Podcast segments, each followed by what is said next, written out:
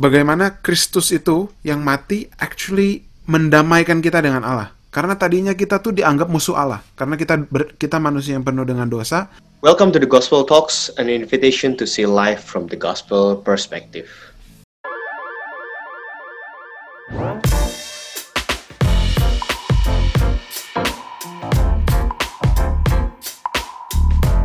Kristen dibilang jangan membunuh, tapi Yesus dibunuh. Kematian, why suffering? Why why not just forgive? Lots of people maybe don't really understand the concept of Christ suffering. When they know the morality of God, they start to question it, not only from the non-Christian perspective, but also from the Christian themselves. Banyak yang cuma iya-iya aja waktu dibilang Yesus tuh mati di kayu salib. Ketika the concept of the human or blood sacrificial system to redeem sins or wrongdoing ini tuh uh, diutarakan, mereka bingung, mereka disagree. Tuhan kok mati, Tuhan kok jadi manusia. But we're not gonna focus on that today. However, as a Christian, we might also occasionally think about the meaning of Christ's death, and we will articulate it now for you guys. Hari ini bersama saya, Rafael Satria, sebagai your host. Kita kembali lagi di The Gospel Talks. Um, ada bintang tamu. Uh, kita kedatangan seorang teman. Tapi sebelum itu mungkin kita kenalan sama yang in-house in-house dulu aja. Halo, ada Michael Amadeus di sini. Apa kabar, Michael? Shalom, puji Tuhan baik. Shalom, puji Tuhan. Mic-nya bagus ini, suaranya mantap. Dan kita juga ada uh, teman kita lagi juga, Stefa Yuiko. Apa kabar? Baik semuanya, apa kabar? Baik. Stefa sehat ya di Indonesia? Sehat. Sehat, sehat, sehat. Nah, ini kita kedatangan salah seorang teman teman saya basically dulu kita kenal waktu when I was in Sydney uh, temanku ini dulu roommate. Dia sekolah uh, di Hillsong College. Mungkin kita bisa kenalan. Ini nggak ada nggak uh, bisa lihat mukanya ya. Tapi nanti mungkin Instagramnya kita taruh lah colek-colek boleh. Dengan siapa kita ngobrol? Ya, perkenalkan, nama saya Daniel, Daniel Soeharto. Uh, sekarang posisi lagi di Surabaya. Surabaya, mantap mantap.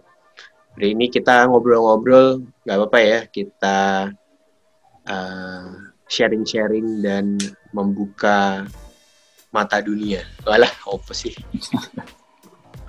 Jadi hari ini kita tuh akan membahas tentang um, Christ suffering atau basically kenapa Kristus itu perlu menderita untuk menebus dosa kita sebagai orang Kristen kan kita percaya bahwa kita tuh diselamatkan oleh kasih karunia dengan Yesus mati di kayu salib. Tapi kan banyak orang juga yang don't really understand dan think that kenapa Tuhan harus mati? Kenapa Tuhan harus menderita gitu loh. Nah, untuk untuk sekedar scriptural background, mungkin nanti teman-teman bisa catat, teman-teman bisa buka.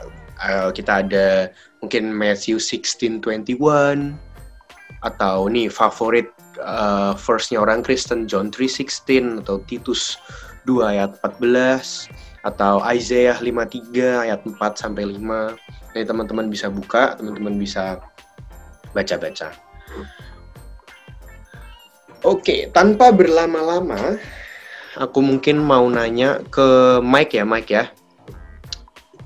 Tentang the punishment of sin and the message of reconciliation. Mike, uh, menurutmu orang itu ada yang berdosa nggak, Mike? Kan, I think, I think a lot of people itu baik juga kok. Banyak yang beramal, banyak yang memberi. Oke. Okay. Um, kalau lu tanya orang ada yang berdosa atau enggak, jawabannya gue semua orang berdosa, bro. Karena um, dosa kita itu basically diturunkan oleh Adam dan Hawa yang dari Genesis 3 kejatuhan manusia. Starting from there, all human being uh, is practically fallen in a sinful nature. Kalau lu bilang ada orang baik, ada orang yang uh, bermoral, ya, tapi kan baik dan moral itu dari pandangan mana, dari sudut ukurannya dari mana. Kalau kita lihat segi moral dan baik dari segi manusia ya, kayak orang itu beramal, orang itu melakukan kegiatan yang baik, mem, uh, menolong orang, uh, ramah dan lain-lain, ya itu bisa dibilang mereka baik dan moral. Tapi kalau kita uh, compare ukurannya sama apa yang ditulis di Alkitab, standar moralitasnya uh, Tuhan Yesus, or standar Alkitab, uh, standar moralitasnya Tuhan di yang basic aja dari 10 perintah Allah, um, no one can actually fulfill that perfectly gitu loh. And that's why um, dari situ aja belum tambah hukum-hukum yang lain udah nggak ada yang bisa fulfill.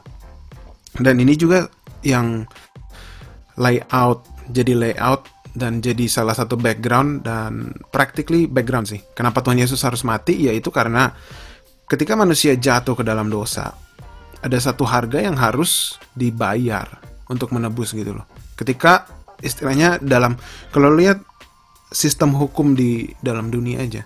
Ketika ada orang itu salah dan orang itu dinyatakan bersalah oleh seorang hakim, orang itu harus membayar kesalahannya sendiri dengan ya dihukum. Either masuk penjara atau ya worst case scenario ya dihukum mati gitu. Karena apa? Membayar kesalahannya. Nah itu tuh ukurannya itu hanya satu kesalahan kan?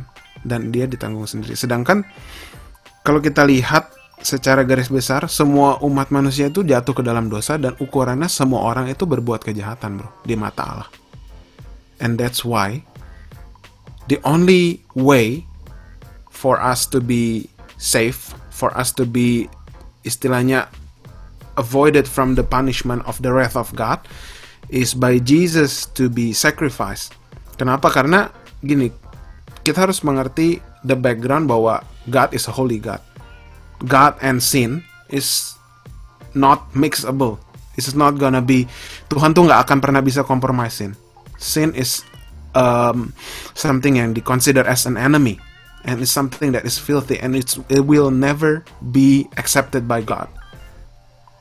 Kalau kita udah tahu mm-hmm. kondisi itu dan kita tahu semua human itu punya sinful nature dalam Roma 6:23, ya berarti by teori kita nggak bisa sebenarnya um, reconcile with God. Gitu. So you're trying to say that um, good deeds itu tidak menjamin kita ke surga. Of course, of course, no good deeds will Coba, ever bring you to to to heaven. Yang yang lain mungkin ada yang nggak setuju dengan Mike atau ada yang mau nambahin? Daniel? So far so good. Okay. So far so good. Oke okay, oke. Okay. Jadi jadi lu tadi bilang bahwa kita itu tidak kasarnya ya lu bilang berarti kita itu tidak bisa ke surga dengan kekuatan kita sendiri.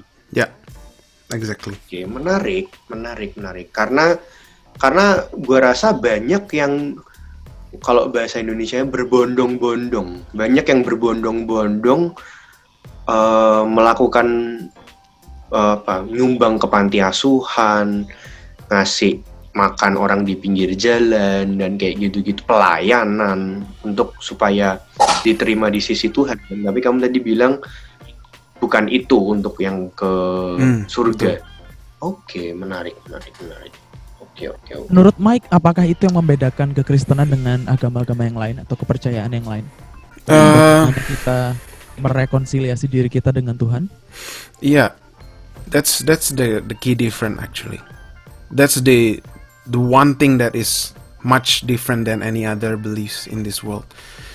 Karena in general, most of the beliefs in this world emphasizing on humans' work, emphasizing on what you can do to earn good things, to um, go and receive istilahnya peace, inner peace, or misalnya kamu bisa dapat pahala, or misalnya kamu bisa uh, suatu saat nanti kamu akan mendapatkan satu titik di mana kamu akan uh, bahagia. bahagia. Sorry aku potong.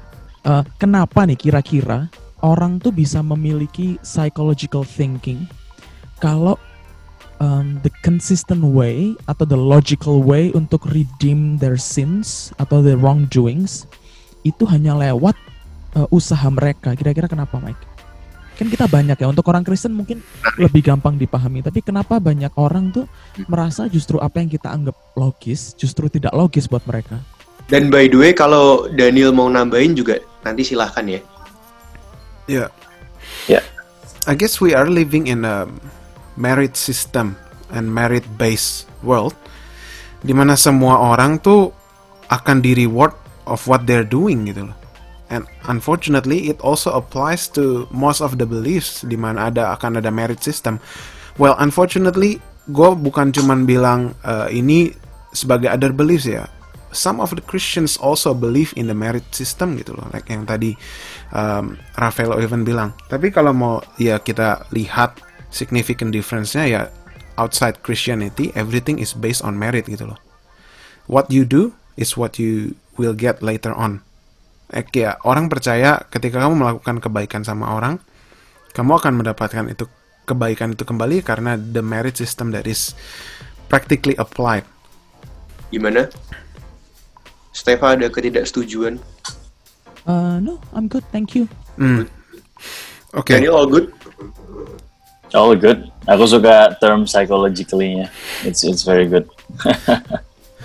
Oke, to uh, to continue speaking about this ya, by the way, kan tadi kita udah ngomongin lah, kayak underlying differences between us and the unbelievers gitu loh, bahwa mereka uh, do on merit system. Let's see on the Christianity gitu loh, on on how on how kayak We got saved. ya the key differences, Itu, the itu key menarik differences. sih. Karena tadi lu bilang Yesus mati buat kita kan tadi kamu bilang Ya. kan. Ya. Um, buat buat yang nggak ngerti Yesus itu uh, the Lordnya in the Christian ya. Buat yang nggak ngerti mungkin mungkin ada yang nggak pernah denger gitu Yesus siapa mungkin. Ya. Dan itu itu statement yang menarik sih Mike karena ka- do you agree kalau Jesus itu king? Ya, I agree. Oke, mungkin aku nanya ke Steva juga. Mana ada king mati dan dianggap menang? Maksudnya, if you see those DC movies and Marvel movie, all the heroes are win at the end of the um, at the end of the movie. Jadi logi logisnya tuh di mana? Seorang raja mati dan dianggap bisa menyelamatkan kita tuh logisnya di mana? Harus bilang itu memang tidak logis. Itu tidak logis. Tapi dilihat dari sudut pandang orang yang nonton Marvel. Nah, kamu bilang pakai contoh Marvel kan. Hmm. Tapi banyak contoh juga, kita nggak bahas tentang Alkitab dulu ya, tapi banyak contoh di di dalam dunia ini ketika eh, raja itu dianggap eh, ber- berkuasa, justru ketika dia mengorbankan dirinya. Justru salah satu, nah kita pakai term psychological lagi, salah satu alasan psychological yang eh, scientific kenapa kita tuh suka nonton Marvel, justru karena tokoh-tokoh utamanya itu bisa suffer dan mengorbankan dirinya untuk mencapai tujuan yang lebih agung dan mulia. Jadi it's so embedded in our lives ketika kita menemukan sesuatu, kita melihat kalau kita mengorbankan sebuah nilai sekarang untuk bisa mendapatkan value yang lebih tinggi di masa depan, maka kita akan mengorbankan sesuatu. Jadi dalam melihat raja yang mati itu adalah konsep di mana ketika ada sebuah pengorbanan, ada value yang lebih besar yang bisa kita dapatkan. I think itu adalah salah satu invention terbesarnya human being juga. Kalau kita lihat throughout history, bagaimana orang um, purbakala bisa kemudian menemukan konsep uh, tentang sacrificial um, apa ya konsep itu, I think it's it's something amazing. Do you get what I mean? Hmm. Menarik, menarik, menarik, menarik. Eh, mungkin aku nanya buat ke Daniel juga ya, kayak berarti tadi Yesus dianggap mati gitu akhirnya ya. Dan buat semua juga actually maksudnya. Menurut kalian kenapa Yesus tuh perlu mati kalau gitu? Maksudnya kenapa mati gitu loh? Kenapa pakai mati gitu loh? Kenapa enggak? Oh Yesus eh, Tuhan menebus dosa kita. Kenapa enggak? Oke, I forgive you. Apa jangan-jangan Tuhan ini jangan-jangan bukan Tuhan yang sempurna? Masa kalau kalau dia maha segala-galanya berarti dia bisa just forgive dong. Katanya Ya. kita kan kalau ditampar pipi kiri kasih pipi kanan. Atau Ya karena ini ya. Tadi kan kamu sempat intro kalau uh, well Jesus is the Lord, is the God of you know Christianity or Christians basically. Dan aku percaya kayak the way that God does His things itu pasti beda dengan cara manusia melakukannya. Karena apa? Tuhan itu adalah Tuhan yang sempurna. Kita adalah manusia yang sudah jatuh. Kita sekarang hidup di dalam uh, daging yang atau tubuh yang fana. Artinya kecenderungan kita secara natur uh, yang termasuk uh, making decisions, uh, our perspective, etc. etc. itu semuanya cenderung towards death, cenderung towards kematian atau kesia-siaan. But at the same time, uh, oh, sorry, on the other hand, ya Tuhan itu is a perfect God. Dan aku percaya the way that He decide on things itu nggak hanya untuk trying to show who He is, because He is altogether uh, complete. Dan aku percaya kalau misalnya you know, there's a lot of uh, common uh, uh, apa ya question gitu by a lot of uh, people yang mungkin mempunyai latar belakang kekristenan. Why can't just God at the flick of His finger deal with the whole thing of sin? I mean ya Tuhan juga ngapain dia udah already inherited. I mean not inherited. He's already been on the throne and he has to leave it. Ngapain susah-susah gitu. Dan aku percaya kayak all of the things yang dia uh, decide upon, yang dia juga tunjukkan, itu tuh sebetulnya sangat-sangat uh, apa ya satu atau streamline dengan tema uh, Injil Kristus. Dan aku percaya kayak why is it not the easy way? Because easy way ya secara logika, secara psychologically it is uh, man's way. But God's way ya implikasinya tuh kita kalau misalnya mau gali lagi itu it's very complex tapi basically kayak ini mungkin satu sisi di mana kita tuh benar-benar bisa melihat perbedaan antara siapa Tuhan itu dan ya kita sebagai manusia dan kecenderungan dan keterbatasan kita bisa memproses uh, what is this whole sacrificial system uh, and stuff gitu sih. Jadi ya secara singkatnya ya. Hmm. Gue gua nambahin ya. Em, kalau kita tadi lu ada lihat premisnya di Roma 6:23, the wage of sin is death. Dan kita semua tahu bahwa semua manusia itu jatuh ke dalam dosa. Dan ini yang gue mau eh, underline. Kenapa Tuhan Yesus harus mati? Itu adalah untuk menunjukkan dua sal- dua karakternya Tuhan. Satu, Tuhan itu adil, justice, and dua itu Tuhan itu merciful, ya kan? Oh, itu kontradiktif. Iya makanya gue jelasin dulu. Um, Tuhan itu adil kenapa? Karena pada dasarnya kalau sebenarnya kita itu mati dan kita itu nggak menerima keselamatan itu fair fair aja. Karena upah dosa ialah maut. Balik lagi upah dosa ialah maut dan kita memang harusnya binasa. Makanya Tuhan merciful at the same time karena dengan keadilannya keadilannya Tuhan yang yang sudah menunjukkan bahwa kita tuh tidak bisa menyelamatkan diri kita sendiri gitu. Kita sendiri kayak Iya. lu bilang tadi. Ya. Lalu Tuhan menunjukkan the merciful nature and gracious nature dengan cara me- memberikan sebuah sacrifice gitu loh. Karena practically kenapa Tuhan Yesus harus mati di kayu salib ya itu bayaran dari kesalahan-kesalahan kita gitu. In di- kalau misalnya kita ngomongin hukum ya, Ste- kita ngomongin hukum nama Stefa misalnya. Stefa kan tahu tentang hukum bahwa semua kesalahan itu at one point of time harus dibayar. Pasti ada harga yang harus dibayar. There will be a price to pay for every mistakes. In this case, human sin cost the life of Jesus Christ. Kenapa? Karena kalau misalnya Tuhan Yesus gak mati di atas kayu salib dan tidak, ya practically kalau lu bilang Tuhan Yesus cuman uh, ngomong ya gua ampunin lu, itu sudah menunjukkan bahwa ada ketidakadilan gitu loh. Hmm, gue nangkep, gue nangkep. Uh, I have two questions here. Uh, mungkin Stefa dulu bisa jawab, nanti yang lain tinggal uh, nambahin. Tapi di perjanjian lama kita tuh tahu, uh, contohnya Abraham, dia tuh banyak mempersembahkan. Jadi uh, Tuhan itu kan tidak tidak bisa directly communicate to his people, makanya dia uh, communicate-nya ke orang-orang yang dia pilih which is uh, ya salah satunya mungkin Abraham dan dia tuh mempersembahkan gitu. Banyak di perjanjian lama tuh yang kayak tentang mempersembahkan, mempersembahkan. Uh, my first question, mempersembahkan itu untuk apa? Eh sorry, kalau aku kurang jelas, mempersembahkan di sini itu hewan ya maksudnya ya, kayak hewan bakaran gitu. Itu tapi tujuannya apa? Satu, dua, apakah itu tuh nyambung nggak sih dengan uh, New Testament, which is uh, Jesus mati di kayu salib tuh kebetulan doang atau itu jangan-jangan nyambung? Hmm, ini banyak banget percabangan pertanyaan dari sini.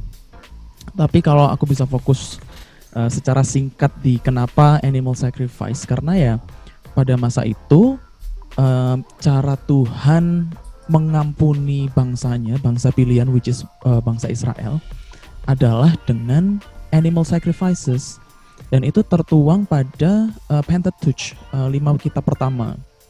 Jadi ide besarnya adalah cara yang ditentukan Tuhan untuk menutupi dosa. Nah, um, sambungannya ke perjanjian baru adalah setiap kali kita lihat ada per, uh, pertumpahan darah, uh, khususnya animals, di situ Tuhan pasti nanti akan um, menyebutkan kalau in the future bakalan ada the real sacrifice atau blood sacrifice atau the lamb um, the, um, yang akan menggantikan atau memenuhi segala keperluan um, yang dibutuhkan Tuhan untuk menutupi dosa-dosa manusia itu. Jadi setiap ada konsep tentang animal sacrifice itu adalah foreshadow dari what is to come. Idenya begitu.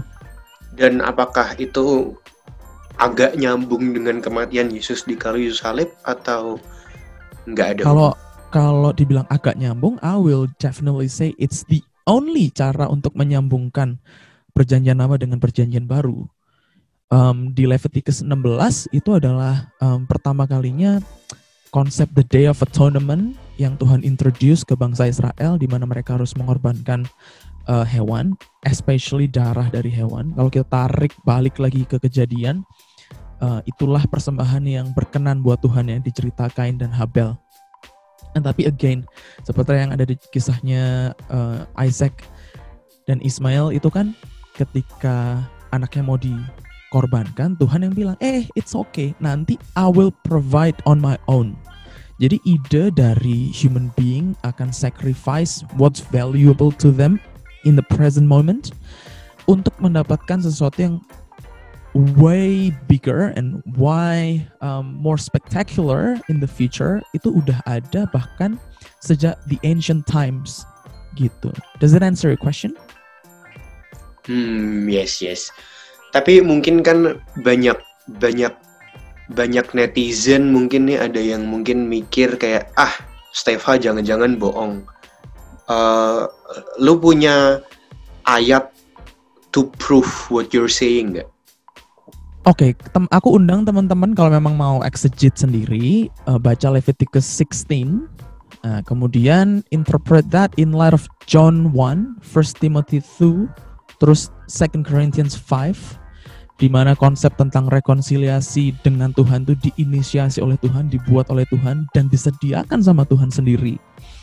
Dan ya in the end, um, substitution dari Yesus itu bisa kita pahami di um, Hebrews 7 7 sampai 10 di mana konsep penebusan Yesus itu once for all. And that's the only one that God requires uh, to save uh, humanity.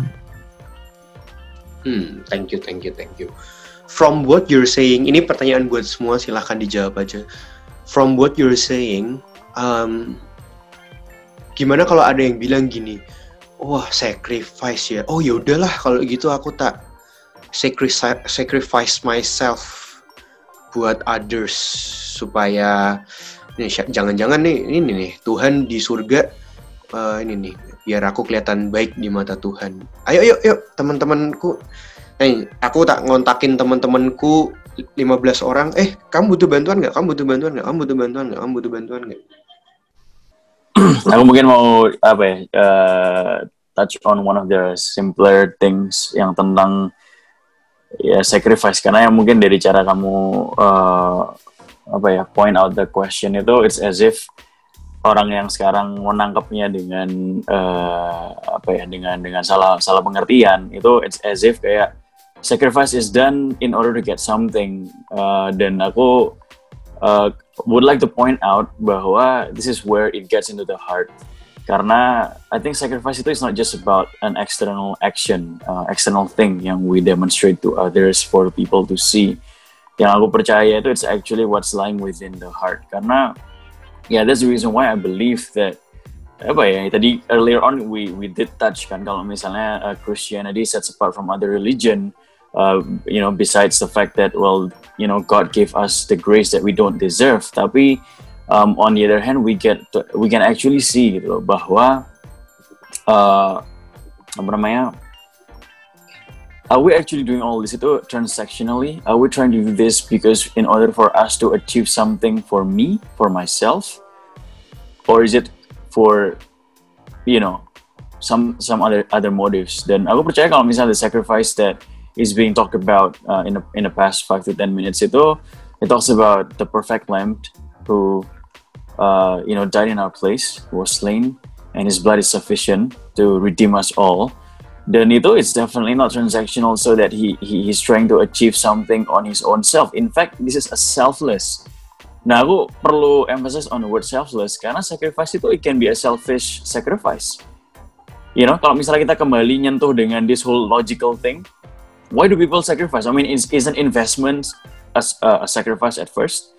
Iya iya dong, kamu kan you gotta spend, you gotta you, you gotta have certain resources taken away from you. But you know, at the end of the day, for for what interest, for for for what, uh, what is the primary motive or agenda? Dan itu is one of the things yang I think sets apart what, what uh, a real sacrifice is yang ditunjukkan dan juga di exemplify by, by what uh, Jesus did. Dan the kind of sacrifice ya udah yang penting aku bla bla bla, you can fill in the blanks yourself. Ya itu satu satu poinnya I just want touch in sih basically yang aku mau tambahkan. Thank you thank you thank you thank you. Um, aku mau tanya ke kalian lagi tentang tadi masalah Yesus udah mati di kayu salib gitu. Terus and then what gitu loh kayak kayak apa gitu maksudnya what's next? Emang kalau dia udah mati itu kenapa gitu? Mungkin aku boleh mungkin? boleh mm, aku boleh spend a bit of time here ya. Ini aku tujukan lebih untuk teman-teman yang masih struggling menaruh nilai yang pas atau weight yang pas tentang nilai dari pengorbanan Yesus. Nah, salah satu yang harus kita pikirkan tuh adalah historical background ya. Kenapa kita sampai sebagai orang Kristen tuh me menganggap teori ini sebagai teori yang sangat penting. Nah, tadi kan udah kita discuss ya tentang physical torture-nya Jesus itu as a part of payment yang dibutuhkan untuk uh, menebus dosa kita. Dan seperti yang kita tahu kan, um, dia tuh menebus kita dengan darah yang mahal di satu Petrus 1. Nah, kalau teman-teman mau research lebih jauh, keywordsnya itu adalah substitutionary atonement dan imputed righteousness. Tapi aku akan bahas yang lebih simpel dari sisi historisnya aja. Jadi, kenapa orang Kristen itu percaya dengan Yesus mati di kayu salib sebagai sesuatu yang sangat berharga adalah karena itu adalah penggenapan dari perjanjian lama. Nuh, kenapa itu jadi penting? Karena kita bisa melihat konsep yang divine di mana ada ada sesuatu yang terjadi dan itu sudah diramalkan ratusan tahun sebelum itu terjadi. Nah, ketika sebuah kitab itu meramalkan sesuatu akan terjadi, hanya ada dua kemungkinan. Yang pertama, kitab itu bohong kalau ramalannya tidak terjadi, tapi kalau terjadi juga ada dua kemungkinan. Yang satu kebetulan atau yang kedua, kitab itu memang benar-benar uh, memiliki nilai seperti yang dia claim to be the valuable. Nah, jadi yang pertama tadi Mike sempat bilang uh, di kejadian tiga. Jadi konsep tentang penebusan itu pertama kali uh, ada ketika Adam dan Hawa jatuh dalam dosa, kemudian um, mereka ditutupin sama uh, garments dari animal skin. Nah, idenya apa untuk menutupi their shame? Dan itu menandakan kalau ada animal yang disacrifice untuk menutupi tubuh mereka yang penuh dengan dosa. Nah, tapi yang lebih penting di sini yang kita uh, bisa lihat dengan kacamata orang modern zaman sekarang adalah bagaimana kemudian konsep itu dikodifikasikan oleh Tuhan lewat mosaic law. Nah, jadi tadi aku sempat bahas di, dikodifikasi itu konsepnya gini. Misalnya kita tahu ya membunuh itu bersalah gitu ya. Tapi kalau di kasus kriminal, kalau itu tidak ada di dalam kitab hukum pidana, orang tersebut tidak bisa dihukum eh, membunuh karena hukumnya tidak tertulis eh, secara black and white. Jadi salah satu sistem kontrak yang kita punya sekarang itu berawal dari bagaimana Tuhan membuat kontrak dengan umatnya. Yang pertama kali dibuat, I think yang ada kodifikasinya yaitu di kejadian 12. Kita kita panggilnya Abrahamic Covenant. Tapi kita fokus di Mosaic Covenant atau Mosaic Law yang berawal dari uh, Leviticus 16 tadi, kemudian di, Le- uh, di Leviticus 17 uh, baru ada statement ini. It is the blood that makes atonement for one's life. Nah, kalau kita interpretasi itu berdasarkan Hebrew 9:22, kita bisa melihat bagaimana Tuhan membuat kontrak dengan manusia. Uh, harus ada pertumpahan darah, itu kodifikasi pertama kali di Alkitab, konsep itu ada. Jadi ketika Yesus itu mati, menggenapi apa yang sudah tertulis ratusan tahun sebelum uh, kejadian itu terjadi, dia adalah the Lamb of God who takes away the sin of the world, sesuai Yohanes 1. Jadi yang awalnya bangsa Israel harus mengorbankan a lamb uh, dari kepunyaan mereka sendiri, sekarang Yesus yang dijadikan the Lamb of God. Nah, tadi kan aku mention beberapa kali kayak itu udah di, udah pernah diprofesai sebelumnya gitu ya. Aku cuma mau fokus di Isaiah sama Psalms. Nah, kitab Isaiah itu udah ditulis 700 em, 680 sampai 740-an sebelum Masehi. Jadi you guys can imagine bahkan sebelum Yesus mati di Yesaya 53 itu sudah dijelaskan kalau nanti orang itu atau Yesus itu akan mati dengan cara yang spesifik itu untuk menebus dosa seluruh umat manusia. Isn't it amazing? Nah, balik lagi ke poin logika yang tadi. Ketika sesuatu itu diramalkan begitu detailnya dan itu terjadi, you have to deal with the fact. Satu, either it's a lie, it's a luck, or it's really true. Gitu. Eh, menarik. Steva, tadi aku mau clarify ya.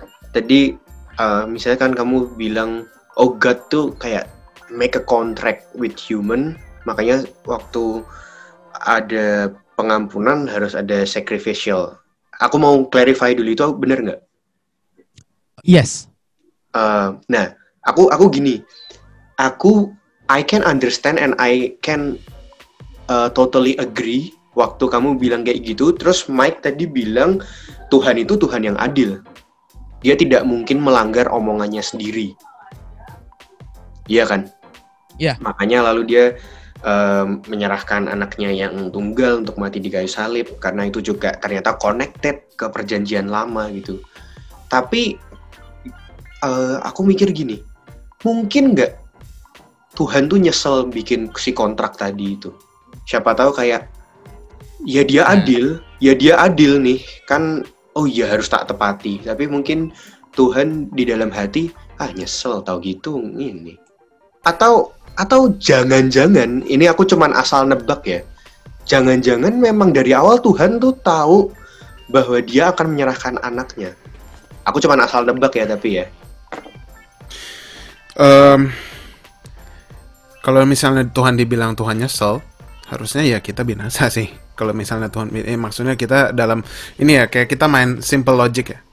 Kalau Tuhan menyesal bikin kontrak, ya might as well pull off gitu ya. I don't have to give my son to to you. I don't need gini loh. Pada pada dasarnya God is a complete God, like what Daniel mentioned and state ya kan? God is a complete God. Without us, God would still be God. Without us, God is still sovereign and God is God. So it doesn't matter if he he doesn't have us gitu di dalam di dalam maksudnya di dalam heaven. It doesn't matter kalau kita mau ngomong simple logiknya. Tapi di sini tuh sebenarnya kontrak itu menunjukkan salah satu another character of of God gitu loh di mana Tuhan itu da- berdaulat dan Tuhan itu maha pengasih. Setelah merciful, dia juga a very loving God gitu loh. Makanya ditulis di Yohanes 3:16 per uh, di dalam conversation ya, conversation Tuhan Yesus sama Nikodemus waktu itu um, dinyatakan bahwa Tuhan itu sangat mengasihi sehingga dia tuh rela mengaruniakan anaknya supaya setiap orang yang percaya nggak binasa tapi ber- beroleh hidup yang kekal bro. Itu adalah sebuah menurut gua kalau misalnya mau dibilang ditanya Tuhan nyesel atau enggak I don't think so sih. Because at the end of the day Jesus died on the cross to fulfill his covenant and to fulfill the law Menarik, menarik, menarik. Tadi coba um, e- eh, anyone can answer, tapi just yes or no. So do you think God itu tuh sebenarnya ya tahu bahwa Yesus tuh akan mati di kayu salib? Menurutmu gimana, Mike? Just yes or no? yes Steva mungkin nggak setuju. Yes. Yes, as Yeah. in he knows it. He knew it even before the world began. Hmm, menarik, menarik, menarik. Daniel, Daniel mungkin Yes, kalau enggak soalnya kayaknya pasti Tuhan bukan Tuhan sih harusnya. Tapi gini deh, um, gimana kalau kita shift sedikit ke bagian yang juga nggak kalah pentingnya? Mungkin Ko Daniel bisa lead kita di bidang ini ya. Sebenarnya sebenarnya lanjutan dari ketika kita kan tadi udah ngebahas tentang kenapa sih Yesus itu harus mati. Terus um, aku touch on apa implikasi historis dari itu dan kenapa itu otoritatif buat kita orang Kristen. Tapi secara konseptual sebenarnya apa sih yang di-accomplish dari uh, penyalipan Yesus itu? Aku juga sendiri juga mau jawabnya sedikit kebingungan ya karena what he accomplished itu bukan cuman sekedar uh, bisa di rap atau di summarize uh, sebagai satu event di dalam histori manusia. Yes, historically wise, we all can prove that that he indeed died for us. Dan of course kayak kalau misalnya kita mau menyentuh tentang uh, evidences itu juga it's available not just by believers but even non-believers pun juga mempunyai historical recordnya. But I think when it comes to uh, implikasi atau mungkin efek atau mungkin kayak what is uh, or what has been accomplished, it's actually a lot. The first thing yang mungkin sangat-sangat uh, mudah untuk kita relate ya, it's honestly where we are right now. Uh, the grace of God that has given us hope. Then hope ini kan is always talking about the future. Dan I always believe that uh, apa namanya when He actually died for us itu besides saving us itu is there any other thing that He uh, is trying to accomplish? Yes, uh, for us to be safe, we are now safe by grace alone. Uh, but besides that, sekarang kita di dalam mengerjakan kehidupan kita yang sudah telah ditebus Tuhan. Is there any other thing yang sebetulnya uh, kematiannya itu uh, accomplish even right now uh, in our daily uh, day-to-day life? Yes, which is sekarang kita ya I believe in this um, apa ya journey where we are right now that we are progressively sanctified. Kita sekarang ada di dalam proses di mana kita ini sedang dimurnikan by who not by our good deeds but by the Holy Spirit yang sebetulnya juga it's actually what God has given us setelah Tuhan Yesus already uh, he, he died, he rose again, he ascended into heaven. Now he has given us the Holy Spirit. Dan aku percaya kayak ya ini just one of the many things yang apa namanya has been accomplished by the death of Jesus. Tapi uh, kenapa aku uh, memilih untuk uh, mendeskripsikan poin ini karena it's the one yang aku benar-benar langsung bisa tangkap yang aku bisa aplikasikan ke uh, ke dalam kehidupan kita hari demi hari. So what is this thing gitu loh that the Holy Spirit is doing? Sekarang we, we might be struggling a lot with ya, yeah, for example doubts. Aku ngomongin bukan cuma dari segi orang uh, yang belum percaya atau belum beriman, tetapi even if you are a Christian right now and kayak you you're doubting your own faith because uh, certain things yang mungkin secara teori kita dulunya sudah pernah bisa menerima pernah bisa kita masukkan ke dalam benak kita secara intelektual, tapi sekarang with what is going on with the world around us dan semua uh, pergumulan-pergumulan kita, we start doubting God. And I think uh, coming back into it, uh, this is actually a very uh, apa ya, a very uh, good thing for us all to realize gitu di dalam progressive sanctification kita uh, melalui uh, Roh Kudusnya uh, in in our daily lives, God is also dealing with so much uh, things in our heart. Yeah, one of the thing is the idols of the heart. Ini aku nggak mau bahas secara kompleks karena it's a very detailed uh, topic. But it's also kayak he wants to reign in our life. Bagaimana kayak kita ini kita kan sering ya dengar kayak this term uh, setiap hari hari demi hari kita akan semakin serupa dengan Kristus. Ya, tapi kayak gimana? Nggak make sense serupa dengan Kristus itu apa artinya? Secara uh, mekanisme, secara realnya itu kayak gimana untuk ngebayanginnya? And uh, this is kayak one one of the things gitu which is kayak what has been accomplished is sin has been put to death.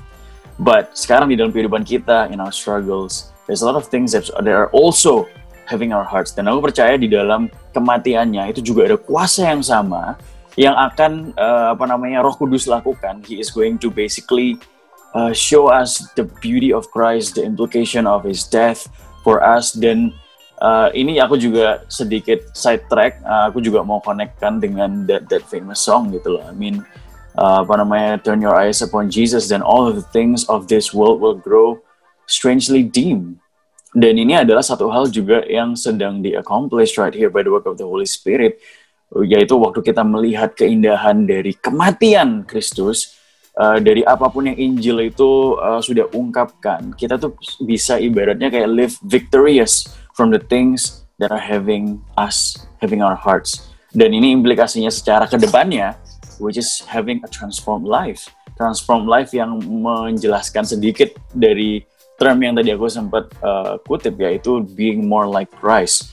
Yaitu hari demi hari kita bisa melihat keindahan Kristus by the work of the Holy Spirit kita bisa see His beauty dan slowly gitu loh proses uh, by process bit by bit we, we we learn to let go of the things of the world. Dan kita ini benar-benar sedang di restore kita sedang sedang dipulihkan kepada something that is eternal which is the whole point of why he you know he died for us the whole point of why he sacrificed for us.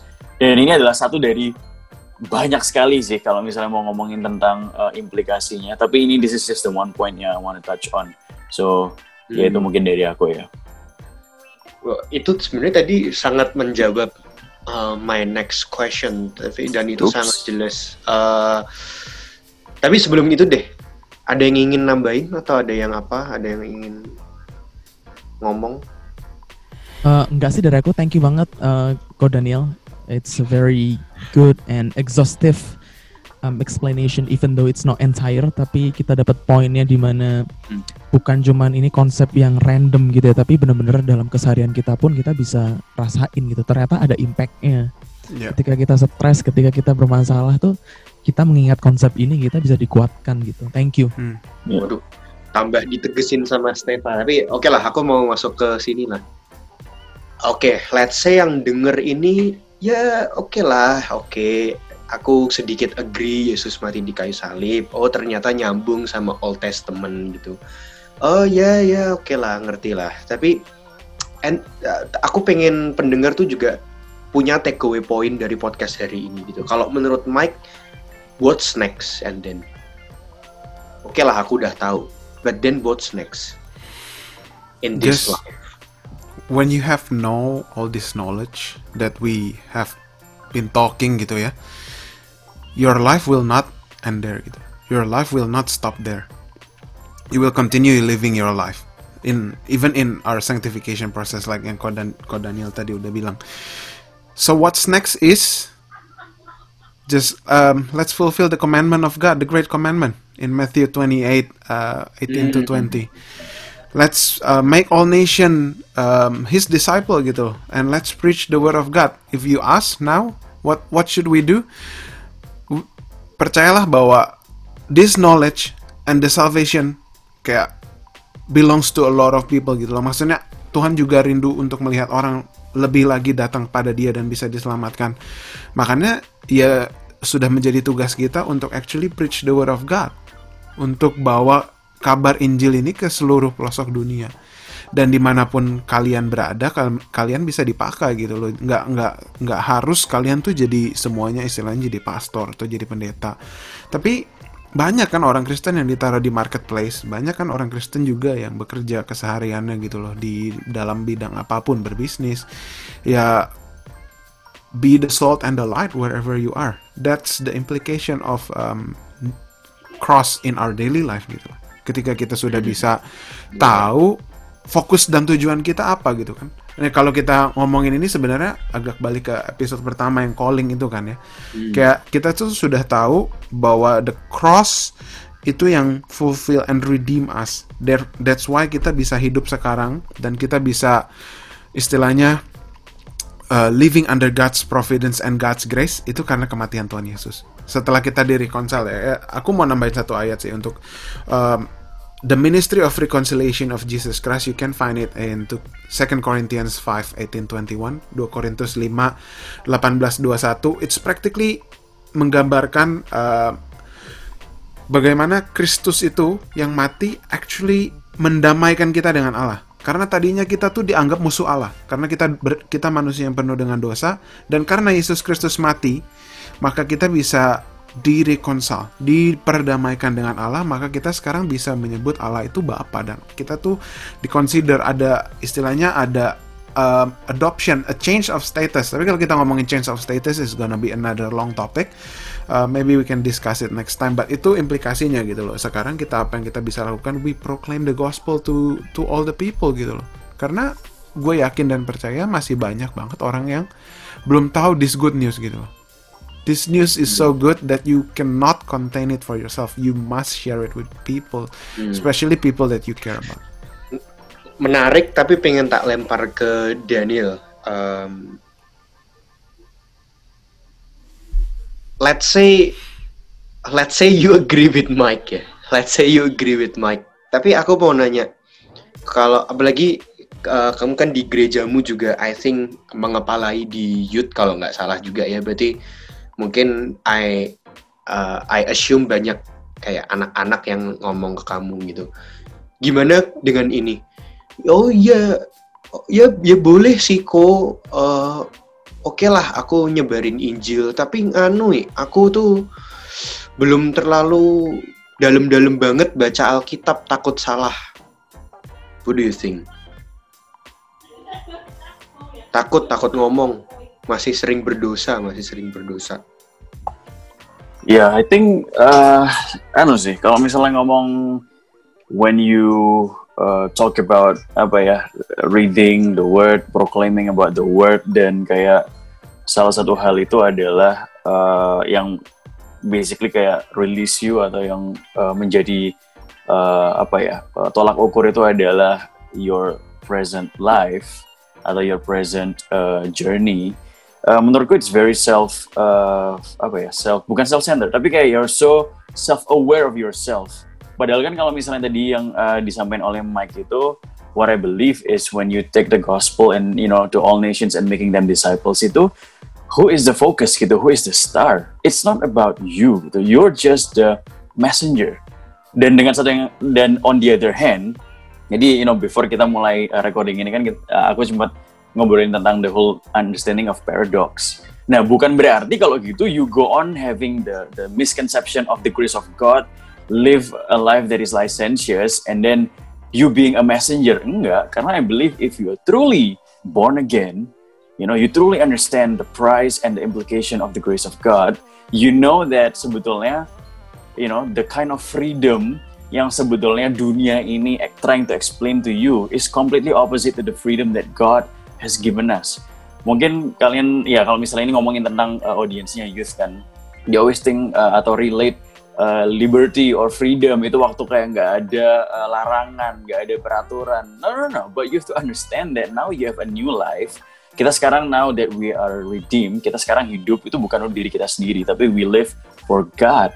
And that's the reason why sekarang cara kita memandang tentang the commandments of God yang sekarang sudah ditaruh di dalam hati kita oleh Roh Kudus, it is actually a life yang benar-benar full of liberty. Liberty dari mana? Nah sekarang coba kalau misalnya you're someone who is free and then you live a licentious life and then let's just say ini random ya, aku cuman uh, pick a random uh, scenario and then for example you're you're you're addicted with drugs for example and you claim that you have a free life. Ini kan ironis.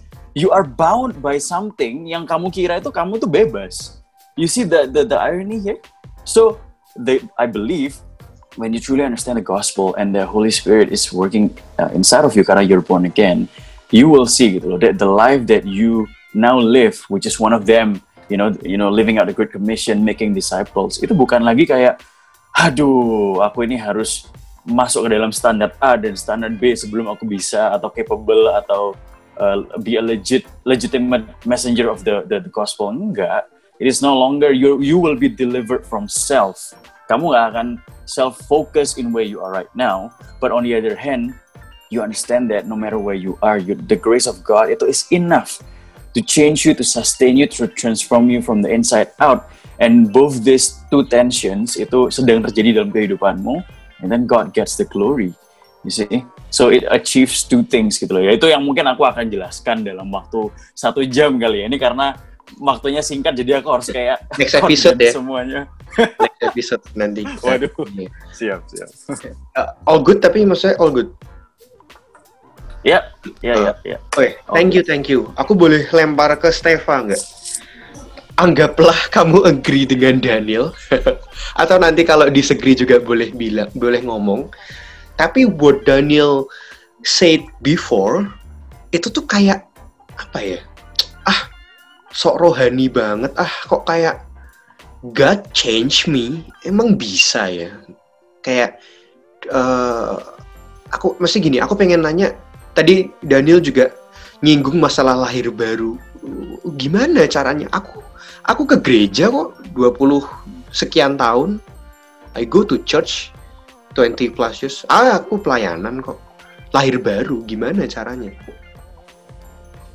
Jawab dengan begini aja, ada dua dikotomi yang um, harus kita pahami bersama. Yang pertama, itu adalah betapa berdaulatnya Allah. Yang kedua adalah betapa lemahnya kita sebagai manusia, betapa terbatasnya kita. Nah, kedua fakta ini, kedua dikotomi ini bekerja secara sinergis dan terus-menerus seperti itu di setiap permasalahan kita punya, di, di setiap struggle yang kita alami. Tapi, let me succinctly say this. Yang pertama itu, kalau ini message ini didengarkan sama teman-teman yang non-Christians, happen to be heard by our non-Christian friends, Now, I urge you to try to find a Christian, a friend of yours that you can talk to, that can explain your confusions, that can bring you to a more deeper understanding of how God is and His attri- attributes as well, and especially why Christians believe this is to be a good logic. Nah, tapi kalau ini didengarkan sama teman-teman yang Kristen, tapi masih kebingungan, masih susah sekali menerima konsep kok Tuhan tuh tanda kutip terdengar atau terasa terlihat jahat gitu ya. Dia harus mengorbankan anaknya, harus ada pertumpahan darah, dia harus membuat konsep di mana darah itu menghentikan dosa. Nah, I urge everyone to humble yourself untuk memahami dua dikotomi tadi. Yang pertama betapa lemahnya kita, terbatasnya kita dan betapa berdaulatnya Tuhan sehingga walaupun kita disuruh cari tahu Tuhan tapi kita tidak bisa tahu sepenuhnya tentang Tuhan. Nah, aku believe I'm more than um, believe that when we humble ourselves, then He will empower us through what? Through the Spirit where within us to be able to grasp this concept and to live in this world effectively. Jadi, um, that's my answer. Thank you so much, thank you so much. Uh, mungkin ada yang bisa aku Steva lagi aja lah ya sekalian. Kamu mungkin bisa conclude sedikit dari pembahasan kita, kayak just quick takeaway point aja, Hmm. conclusion. Mm, mm, mm. Dan sekalian, oh aku yang nutup deh nanti, sorry. Oke, jadi kita eh, hari ini kan berusaha untuk mengartikulasikan, bukan hanya menjawab ya, tapi mengartikulasikan apa sih Christians views towards Christ's sufferings atau kematian Yesus di kayu salib. Kita udah kasih beberapa scriptural backgrounds yang teman-teman bisa exegete sendiri.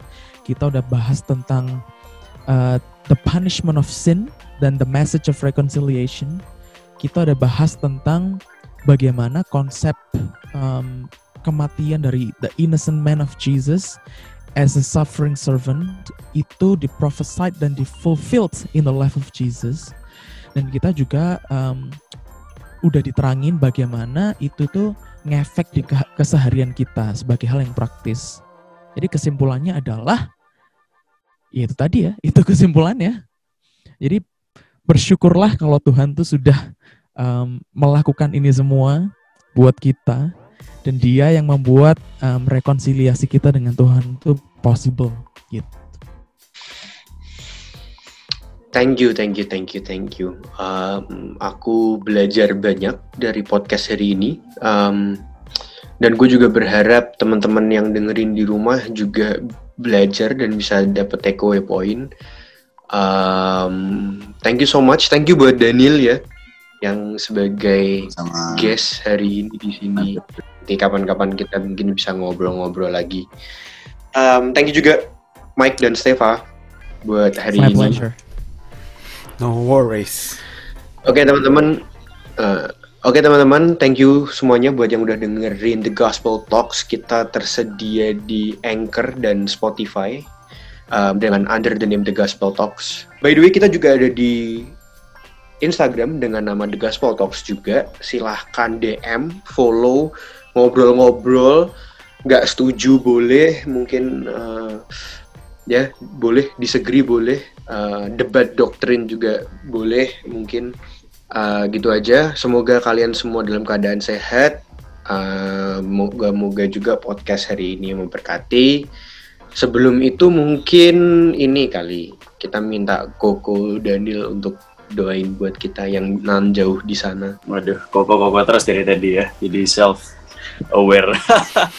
Oke, anyway, ya, it's always a good way to apa ya, wrap up ya with a prayer. Mari kita sama-sama doa.